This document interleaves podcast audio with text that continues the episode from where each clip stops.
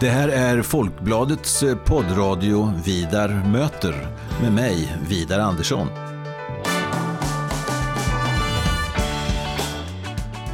Jag är eh, chefredaktör på Folkbladet och jag är också ansvarig för Folkbladets ledarsida som eh, skrivs utifrån en oberoende socialdemokratisk hållning.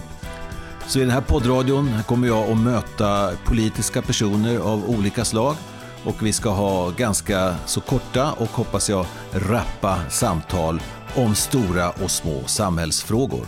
Varmt välkommen till Vidar möter.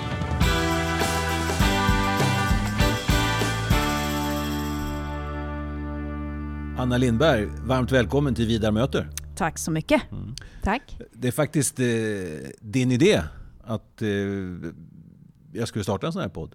Exakt. Ja. Det var min idé. Den ja. var briljant. Ja, det var det faktiskt.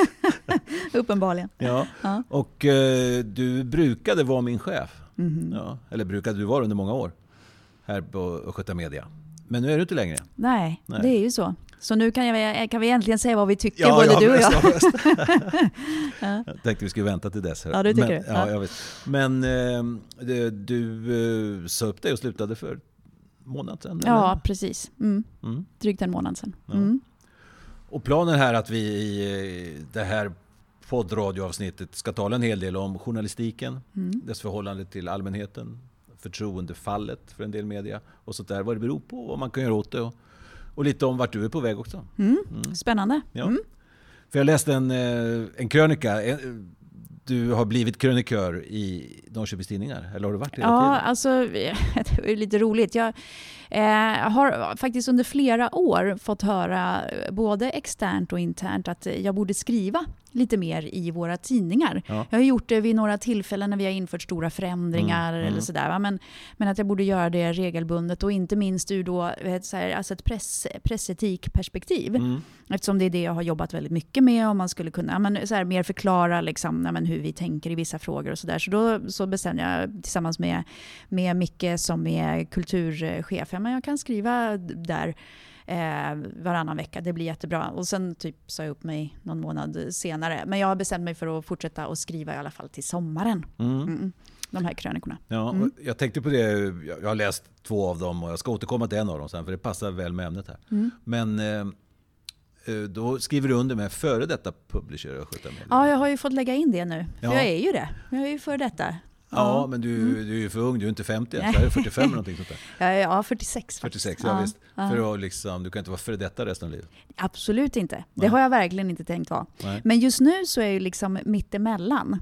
Mm. Eh, och och eh, tänker att det här är en väldigt, också en väldigt spännande period i mitt liv. Mm. Jag har ju levt liksom med det här tunga ansvaret för det här stora bolaget, väldigt många människor, mycket omsättning, många titlar, mycket ansvar och så. Till att just nu vara i en period där jag inte där det händer inte så mycket i det yttre utan det händer, händer mer i det inre, mm. inuti mig. Mm. Och det tycker jag är ganska så spännande att utforska också och ha, och, ja, men, ha den här lilla korta perioden i livet och fundera mm. lite på ett annat sätt. Så att jag, jag njuter av dagarna faktiskt. Mm. mm. Det utforskade inre, det är väldigt spännande faktiskt. Mm. Ja.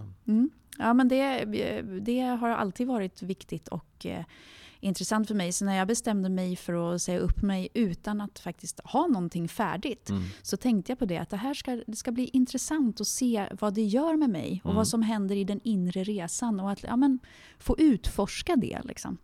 Så det håller jag på med just nu. Ja. Det är jättespännande. Är du nöjd med vad du hittar eller, eller förvånad? Ja, det där är ju, det där är ju en bra eh, fråga och eh, lite svårt att, och, lite svårt att säga, säga exakt. Men man kan väl säga att eh, det, finns, det finns en hel del som jag är väldigt eh, tacksam för att jag har med mig. Mm. Eh, verkligen i den här perioden. Som, eh, menar, att jag har en trygghet i mig själv. Att jag känner mig som sagt väldigt eh, eh, inspirerad och, och, glad över att få, få göra en inre resa. Mm. Eh, men, men sen är det klart att eh, vad ska man säga, den här, det här jobbet har ju också varit väldigt, väldigt intressant och väldigt stimulerande. Och det är klart att vissa dagar när mitt liv just nu ser lite annorlunda ut mm. så är det ju inte bara positiva känslor. Men jag tänker också att om man inte vågar möta sina negativa känslor så växer man liksom inte. Mm. Så att, eh, ja, jag tycker faktiskt att det är, det är mm. givande, mm. men på ett annat sätt än vad det har varit innan. Mm. Intressant. Vi har inte pratat sådär jättemycket under årens lopp, men jag har anat att, att, att det djupet finns. Du, ut, du utstrålar det på något sätt. Tack ska du ha. Ja, men det är viktigt för mig. Att det inte bara är en yta som vandrar runt. Nej, nej, nej det, det ska vara på riktigt. Det ska ja. hända någonting inuti. Och det har ju varit, tycker jag ändå varit vägledande för mig i mitt ledarskap. Och i eh, det här med eh, publicistiken. Liksom. Mm. Och de beslut jag fattar. Att det inte bara kan vara enligt en matris eller en mall. Utan det måste resonera också med, med det som finns inuti Anna Lindberg. Mm. Mm. Och det tror jag man lär sig när man har en sån här tjänst där man måste stå längst fram för alla beslut man fattar. Då mm. måste de bottna. Annars blir man ju någonting annat än pappersdocka. Folk ser igenom det. Mm. Folk eh, skjuter ganska lätt på en sån fasad. Mm. Men du, det var en slump kan man säga, eller kärlekens slump som gjorde att du överhuvudtaget hamnade i journalistyrket? Eller? Ja, ja, det blev faktiskt så. Överhuvudtaget så har jag varit liksom lite dålig på att liksom planera färdigt mitt liv. Utan mm. jag har mer liksom bara eh, hakat på grejer som jag tycker är intressanta och, och lärt mig saker och så. Eh, men, nej, men det var ju så att jag pluggade på universitetet i Linköping och jag hade väl kanske tänkt mig, jag är missionärsbarn, jag är uppvuxen utomlands, jag mm. hade nog tänkt mig liksom ett, eh, vad ska man säga, ett mer kosmopolitiskt liv. Mm. Där jag skulle ja, resa över världen och kanske fördjupa mig i antropologi eller mm. någonting mm. sånt där. Men så blev jag ju väldigt kär då i en kille som heter Henrik som jag fortfarande är gift med och som mm. jag fortfarande är väldigt kär i. Ja.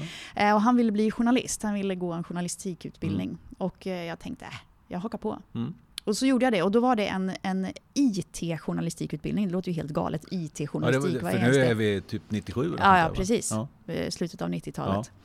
Men det var ju bra. Då fick man lära sig att göra hemsidor och förstå det digitala. Liksom och så där. Och jag blev ju helt totalt kär i internet. Mm. Alltså verkligen superförälskad. Eh, och eh, det i kombination med journalistiken gjorde ju att jag hade ganska attraktiv kompetens. Så jag blev ju anställd här på Norrköpings Tidningar innan jag var färdig med min utbildning. Ja, som webbredaktör faktiskt? Eller? Som webbredaktör. Ja, en av de Precis, första kanske. I varje fall utanför ja. storstäder. Ja, ja. ja, det var så. Det var också roligt. Gud vad kul det var. Ja. Att bygga upp liksom någonting sånt Mm. Mm. Du har ju flackat runt en väldig massa, precis som du sa. Mm. Eh, jag läste någonstans en intervju eh, vid någon av alla priser du har fått också. Mm. Att, ja. ja mm. att du är uppväxt i, typ i, i Chad, mm. i Kenya, mm. Vimmerby, mm. Texas. Mm. Eh, exakt, ja, exakt. En bred palett. Ja, ja. precis. Men du har inte känt dig rastlös då? Nu har du ändå bott i, kanske inte på samma ställe i Linköping. Men... Nej, inte riktigt. Fast jag har ju bott där jag har bott nu. Det har jag bott eh, längre än någon annan gång i mitt liv. Alltså det är 15 år mm. eller någonting. Ja, men det där är också på tal om att göra inre mm. resor. Liksom. Att, eh, jag, jag hade nog inte sett framför mig att jag skulle köpa ett hus liksom, eh, mm. utanför en medelstor svensk stad och bo där med min familj. Mm. Utan jag hade nog sett framför mig ett mycket mer ja, men en kosmopolitiskt liv. Men grejen är ju att det, eh, livet handlar inte bara om, om yttre stimuli.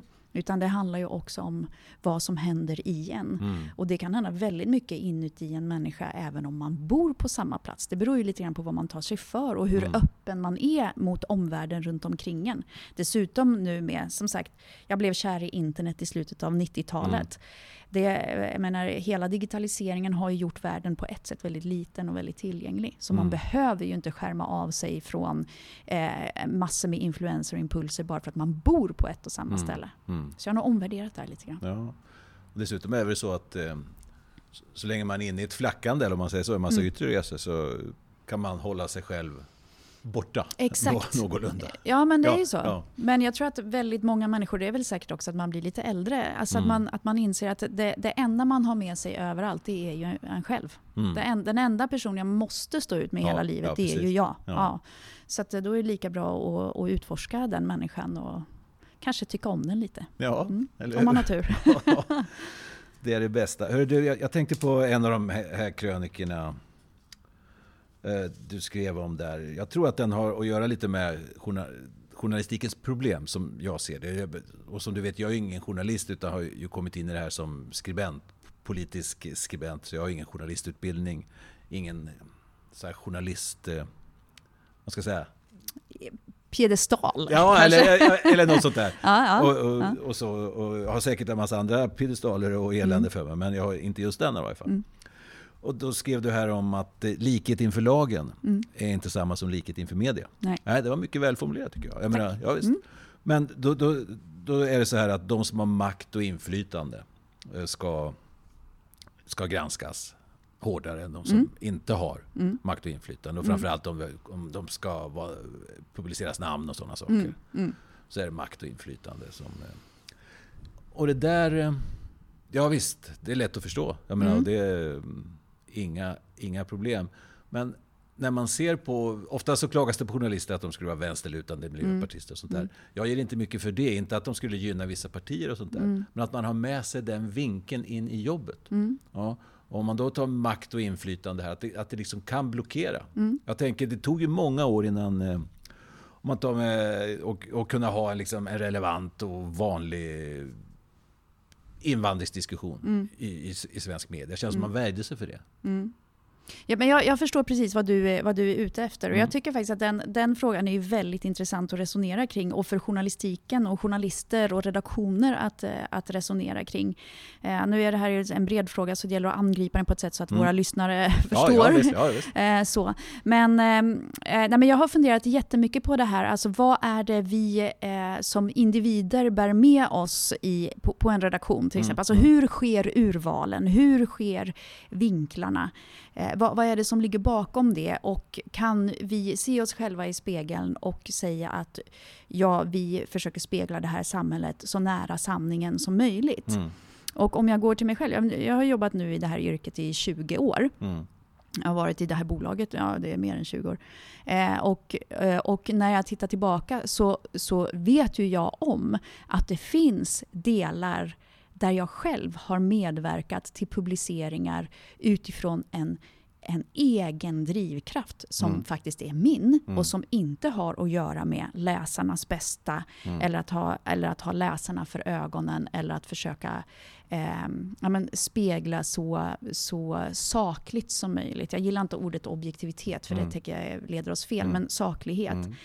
Eh, och eh, när jag, eh, för ungefär fyra år sedan kanske det var, eller tre, fyra år sedan, så jag och min dåvarande kollega Nils Olausson som ju har efterträtt mig, mm, mm. diskuterar vi de här frågorna. Alltså hur ser det ut egentligen på våra redaktioner? Och så började vi titta på oss själva, både han och jag, utifrån ett utgivarperspektiv. Mm. Var är vi någonstans? Kan, kan vi verkligen säga att vi är så sakliga som möjligt? Mm. Eller väljer vi vissa vinklar av tradition eller mm. av egen driv? drivkraft och sådär. Mm.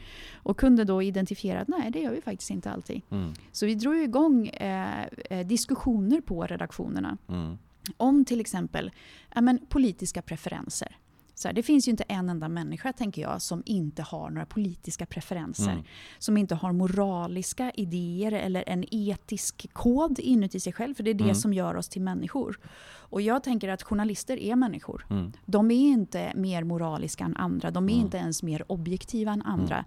Men det tillhör yrket att få syn på sina egna preferenser mm. och se till så att inte de skymmer sakligheten. Och där tänker jag att media lyckas mer eller mindre bra. Alltså det kanske inte är så att det antingen så är man 100 mm. eller så är man noll. Mm. Utan det är en skala däremellan. Och vi som leder eh, medier har, en, har faktiskt ett, ett, jobb att göra. Att se till att den här skalan är så nära 100% mm. saklighet mm. som möjligt. Liksom. Förstår du hur jag, ja, hur jag tänker? Ja, så jag har funderat väldigt mycket på det här. Mm. Och du nämnde invandring eller mm. Sverigedemokrater mm. eller sådär. Va? Och eh, jag funderade jättemycket på det. Hur, hur, ska, hur ska en redaktion behandla Sverigedemokraterna? Hur gör man det på ett, på ett pressetiskt vettigt mm. sätt? Mm. Liksom? Och där tror jag, eh, jag har landat mycket i att eh, Sverigedemokraterna är ett parti med makt och inflytande i Sverige. Mm. Och då ska de behandlas så. Mm. Utifrån det. På mm. samma sätt som, som socialdemokrater och miljöpartister och centerpartister. Sen är det det här med Sverigedemokraternas bakgrund. Mm. När är den relevant att ta upp? När ska den diskuteras? Mm. Och jag hävdar att den ska diskuteras på samma sätt som andra partiers bakgrund och ideologi mm. ska diskuteras. Så att det, man får ju absolut inte väja för det. Det är inte det jag förespråkar. Men jag förespråkar ju också en, ett närmande där vi också kan titta på sakpolitik och ställa sakpolitiskt kritiska frågor. För mm. att annars så finns ju faktiskt risken att journalistiken inte gör sitt jobb. Mm. Inte ställer de sakpolitiska kritiska frågorna, mm. utan bara håller håller på att prata om bakgrund och vi gör då samhället och våra läsare en björntjänst. Mm. Ungefär så har jag resonerat. Men, men det är ju inte helt, det är inte helt enkelt. Nej, absolut inte. Men det har ju, det har ju hänt mycket. Jag vet när jag, jag, jag kom hit eh, till Folkbladet Norrköping 2004. Och då inför valet 2006, då vet jag, jag höll på att ramla av stolen. Liksom. För jag hade inte tänkt i de banorna. Då hörde jag en diskussion på radio. Det var lokalradiostationerna alltså som hade stor diskussion och alla var i luven på varandra. Chefer och, och reportrar. Om man överhuvudtaget skulle intervjua Sverigedemokrater inför um, valet 2006. Eller om det skulle bryta mot deras sändningstillstånd om mänskliga rättigheter och allt vad det är. Mm. Och sånt där. Mm. alltså, det har, det, har, det har gjorts en resa. Det har definitivt gjorts en resa, men jag tänker också att det gäller att, det gäller att hålla sig, det gäller att hela tiden hålla sig nykter i det här. Eh, på olika sätt. Alltså vi måste klara av att hantera både sakpolitik mm. och den, eh, den här diskussionen om, som jag tänker att en demokrati handlar om, att man diskuterar fördelningen av värden mm. i ett samhälle. Man, mm. man diskuterar resursfördelning. Eh, det är det politiken det är det vi bråkar om.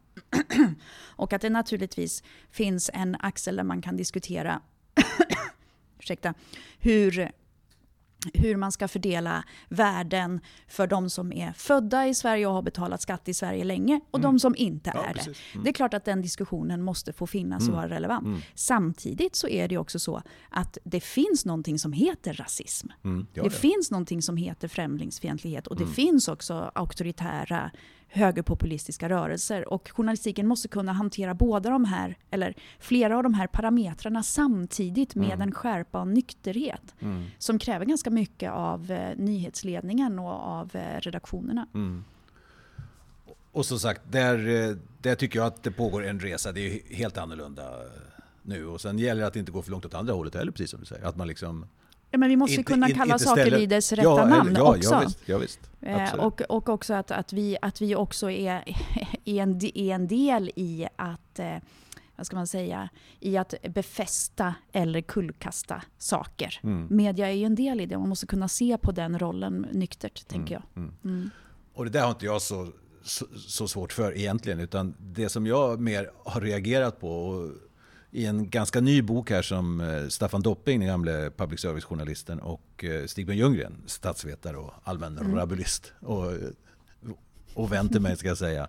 Han, de har gett ut en bok, Inte lögn, inte sant, om media. Så jag vet inte om du har läst den, men den är faktiskt väldigt bra i stora delar. Och då lyfter man ju in det perspektivet, så att, säga, att, att vad man inte vill se sig själv som, det är att liksom journalistiken, jag som journalist eller som nyhetschef eller ännu mer mediachef är makthavare. Du mm. ingår faktiskt etabli du mm. ingår i etablissemanget tror jag inte.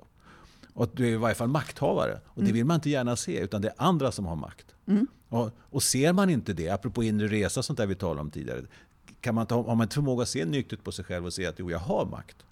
Eh, då, då, kan det lätt, då kan det lätt bli så fel att man liksom ska solidarisera sig enbart med mannen och kvinnan på gatan och inte se att nej, jag har faktiskt en annan roll i samhället också. Mm. Ja, men jag, det, det håller jag med dig om. Det, jag tror att det är jätteviktigt att, att eh, mediechefer funderar över den makt och det mm. inflytande man faktiskt har. Det tror jag är otroligt viktigt att reflektera kring. Men sen så tror jag också att det finns... Eh, jag har, har ju länge liksom bärt på en slags tanke om att eh, journalistiken finns inte till för sin egen skull. Utan journalistiken finns till för medborgarnas skull. Det är därför journalistiken finns. Mm. Och att vi som jobbar i media borde lägga mycket mer tid på att älska våra medborgare. Alltså att älska samhället, mm, om man ska mm. säga så, än att älska journalistiken i sig. Mm. Det är därför liksom att eh, journalistiken måste, den måste vara relevant. Mm. Den måste på något sätt utgå från människors behov. Den måste på något sätt eh, eh ja, va, vara nära sin mottagare, mm. tror jag.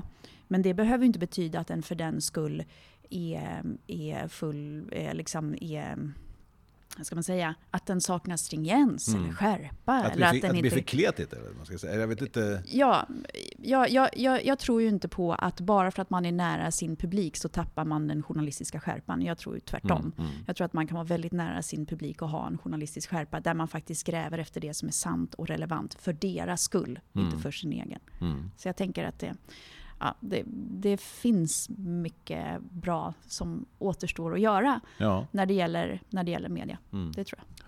Ja, för just det här det jag har svårast för det är det som är kopplat till det här med makt, det här alltför pompösa. Det vill säga när något terrordåd och så ska alla mediechefer säga nu hur oerhört viktiga de är för demokratin. Alltså, det ska man inte säga själv. Det, alltså, det stör mig det där. Mm. Det bevisas i så fall om folk vänder sig till, till med. Det här med att, liksom, att man ser sig som någon självskriven mm. eh, demokratigarant på något sätt. Jag, kan förstå, jag, jag, jag, förstår dig och samtidigt tänker jag så här, för, för det, är, det, är också viktigt att ha ett, ett historiskt och ett eh, Eh, ett, ett omvärldsperspektiv i detta. Och det är ju också så att vi ska komma ihåg att eh, Sverige är en, en, en demokrati med en extremt, eh, en extremt tillåtande eh, lagstiftning för vår tryck och yttrandefrihet mm. i det här landet. Och det har också, det gör att du och jag kan stå här och prata helt obehindrat om exakt vad vi tycker ja, utan att vara rädda för några som helst repressalier. Mm. Och vi har möjlighet att sprida det här mm. överallt. Och det hänger också intimt samman med att det finns medier som tar ansvar. Alltså som inte bara publicerar vad som helst och som kan förstöra livet på vem som mm. helst och sådär. Så jag menar att jo, men medierna har en extremt viktig roll i en demokrati. Och ibland kan det behöva sägas för att det är också så, vi som är uppvuxna i det här och som bara har sett det här, vi tar det också för givet. Men det går faktiskt att lagstifta bort det. Det går att begränsa yttrandefriheten och det är inte, det är inte i första hand ett problem för medierna. Det är ett, program, ett problem för medborgarna. Mm. Så jag, jag, jag, menar, alltså, jag förstår vad du menar när mm. mediechefer sitter och säger att vi är så viktiga, vi är så ja. viktiga. Men det kan också behöva sägas, alltså att, den här, alltså så här, att, att det finns en bra tryck och yttrandefrihetslagstiftning i Sverige. Det är bra för mm. media, det är bra för östmedia och mm. Sveriges Radio ja, ja. och allt vad det är. Men det är väldigt bra för medborgarna i det här landet. Mm. Och det behöver vi faktiskt påminna om. Bra argumenterat. Tycker jag. Hör du, eh, vi lever i, i coronatider. Mm. Ja, och eh, vad kan man säga på någon minut eller två om eh, hur media har skött sig? kan man säga så? Har det varit för underdånigt gentemot eh, makthavarna och, och gentemot den svenska ja. linjen? Eller Alltså jag, jag, känner att jag inte är i... Det, att vi är fortfarande är lite mitt inne i det och det är, det är, svårt att dra några riktigt bra slutsatser. Men jag har tänkt, jag har tänkt på att det finns ett litet medialt dilemma mm. med den svenska linjen. Mm. Som ju handlar om att, ja, men att var och en får ta ansvar. Och för att den linjen ska fungera så är det ju viktigt att det, att det finns en folklig förankring kring det mm, mm. och att människor sluter upp kring det. Och det är klart att mediernas roll i att människor ska sluta upp kring den är ju ganska viktig för att, för att linjen ska lyckas mm. överhuvudtaget. Och att då som mediechef, nu är ju inte jag det så jag Nej. behöver inte bry mig, men Nej. jag tänker ändå att det är lite en balansgång. Att, eh, att eh, bidra till att vi, har hög, att vi har fortsatt god folkhälsa i Sverige mm. och att ekonomin så småningom kan återhämta sig, alltså att den svenska linjen faktiskt funkar. Medierna är en del av det och samtidigt så är ju också jobbet att ställa kritiska frågor och att granska och att kunna liksom komma med eh, ja, men med, med, kritik och publicera krönikor, åsikter och debattartiklar som har liksom en helt annan infallsvinkel. Mm. Så jag tänker att den balansgången är lite delikat. Och säkert, I efterhand kommer vi säkert tycka att vissa var för underdåniga och mm. man underkastar sig Folkhälsomyndighetens rekommendationer mm. som mediehus rakt upp och ner. Um, så kan det mycket väl vara. Mm. Eh, samtidigt tycker jag att jag har läst så pass mycket att jag ändå tycker att det förs en vettig diskussion. Mm. Jag tycker ju inte att det saknas eh, mothugg. Nej. I en av dina krönikor i NT här den 25 april tror jag det var, så lyfter du upp ett annat dilemma tycker jag och problem med eh, coronapolitiken. Alltså det är ju alltså den svenska rationella hållningen, alltså med flockimmunitet. Låt oss nu få detta gjort, så kan man säga. Det är den svenska hållningen egentligen. Mm. Och det betyder att varje liv värderas ju inte det särskilt mycket. Du pekar ju på det, så att, säga, att mm. Eh, äldre människor som dör, ja ja, hon var ju gammal. Liksom, att den här synen på... Eh, det kan sättas en väldigt rationell och lite otäck syn. Så att säga, på. Du, är, du ja, är inne på det? Ja, jag, är, jag är inne på det. Alltså jag, jag funderar på, liksom, återigen, de, de, de mer djupare moraliska aspekterna av den här linjen, mm. vad det gör med oss. Dels mm. är det här med synen på åldrande och mm. ålderdom. Mm. Alltså hur, hur, hur kommer det här att prägla oss mm. på sikt? Mm. Funderar jag mycket på. Men jag funderar också på det här med, ja, nu så här, ekonomin eh, går verkligen på, på knäna och vi har liksom en utslagning utan dess like i en massa olika branscher och det är ju katastrof. Mm. Och då, det är klart att då när vi ska starta om allting igen och man, man, man hör debatten handla mycket om att så fort som möjligt få hjulen mm. att snurra. Eh, vad, vad händer med, med hållbarhetsdiskussionen mm. i det? Alltså jag, jag, tänker att det finns liksom vissa aspekter av det som händer nu som riskerar att eh, grumla vår moral på ett, på ett djupare plan. Mm. Mm. Så. Eh, och där, ja, där finns ju det här med synen på, på åldrande. Alltså jag, jag har ju reflekterat själv över att liksom, jag si så många döda men, eh, och, och 90 procent av dem är över 80 år. Mm. Mm. Och att det ska göra att jag på något sätt ska dra en lättnadens suck. Ja. Det är ju lite intressant. Eh, jag säger inte att den svenska, och det är ju viktigt också, det handlar inte i första hand om att kritisera den svenska linjen. Nej, nej, nej, utan det handlar om här, vad, vad händer med mig? Vad, vad gör den med, med oss? oss? Exakt. Varje linje gör någonting med människor. Varje ja, linje ja, gör något med människor. Ja. Så är det. Mm. Och du, Anna Lindberg, vart, um, du är inne i din inre resa nu. Men um, det går inte att betala räkningar med det i all evighet. nej, inte i all evighet. Nej. Nej, vad Men, som ska hända härnäst? Ja, om du tänker, är, det, är journalistik din bana eller är det nu det är dags att bli den där sociala antropologen eller göra något annat? Eller mm. du kommer att... Alltså jag, jag tänker att eh, min bana handlar ganska mycket faktiskt i grunden om att eh, försöka göra det här samhället lite bättre mm. på det sätt som går. Och då mm. behöver inte journalistiken vara begränsande. Mm. Men jag tycker att de här eh, fem senaste åren och egentligen hela mitt yrkesliv, som jag ju kom in från den digitala sidan, mm.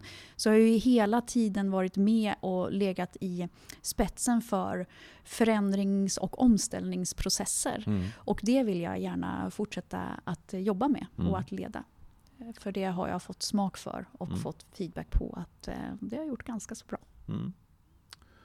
Stort tack Anna Lindberg och min personliga fundering där utan att veta något. Det är att eh, du inom in, inte allt för lång framtid kommer att vara på chefsposition i, i något av Sveriges största mediehus. Vi får se. Ja, vi får se. Följ podden Vida möten så får ni veta hur det går. Tack ska du ha. Tusen tack.